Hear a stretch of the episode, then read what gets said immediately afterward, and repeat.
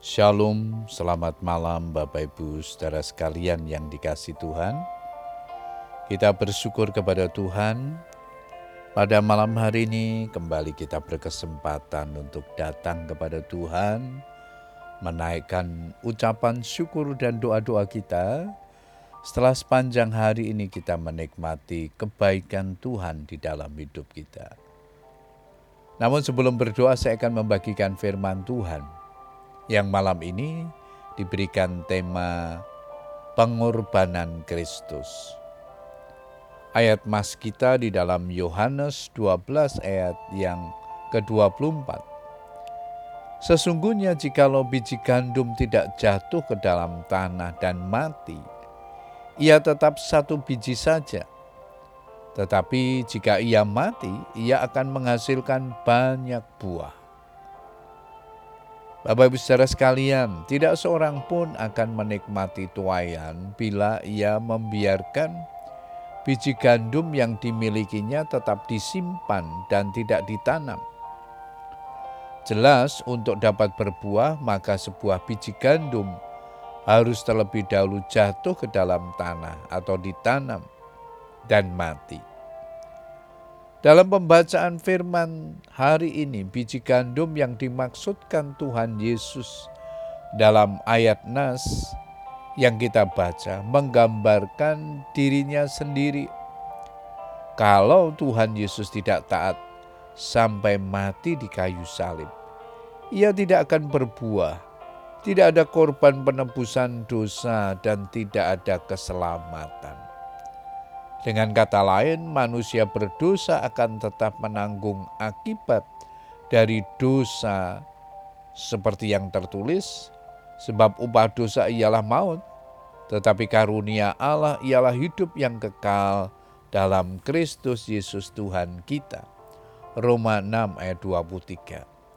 Tetapi oleh karena Tuhan Yesus mau taat sampai mati, bahkan mati di kayu salib, maka ada buah yang dihasilkan, yaitu orang yang percaya kepadanya, diselamatkan dan diperdamaikan dengan Allah. Tuhan Yesus yang telah menjadi biji gandum yang jatuh ke tanah dan mati, akhirnya menghasilkan tuayan, yaitu jiwa-jiwa yang diselamatkan. Cukupkah kita hanya mengucap syukur saja kepada Tuhan atas segala pengorbanannya? Tentunya tidak. Sebagai umat tebusannya, kita juga harus mengerti kehendak Tuhan di balik pengorbanannya itu. Karena aku telah menetapkan kamu supaya kamu pergi dan menghasilkan buah dan buahmu itu tetap. Yohanes 15 ayat yang ke-16. Kehendak Tuhan bagi orang percaya adalah menghasilkan buah. Agar dapat berbuah, maka kita pun harus mengikuti jejak Tuhan Yesus, yaitu menjadi seperti gandum yang jatuh ke tanah dan mati.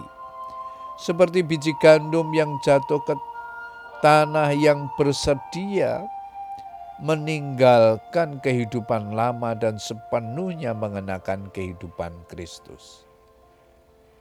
Galatia pasal yang kedua ayat 19 20 di sana dikatakan, Aku telah disalibkan dengan Kristus, namun aku hidup, tetapi bukan lagi aku sendiri yang hidup, melainkan Kristus yang hidup di dalam aku.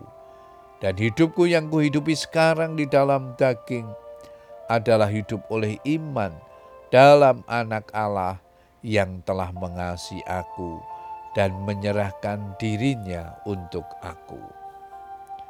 Karena pengorbanan Kristus, setiap kita yang percaya kepadanya diselamatkan dan memiliki tanggung jawab untuk hidup sama seperti Kristus.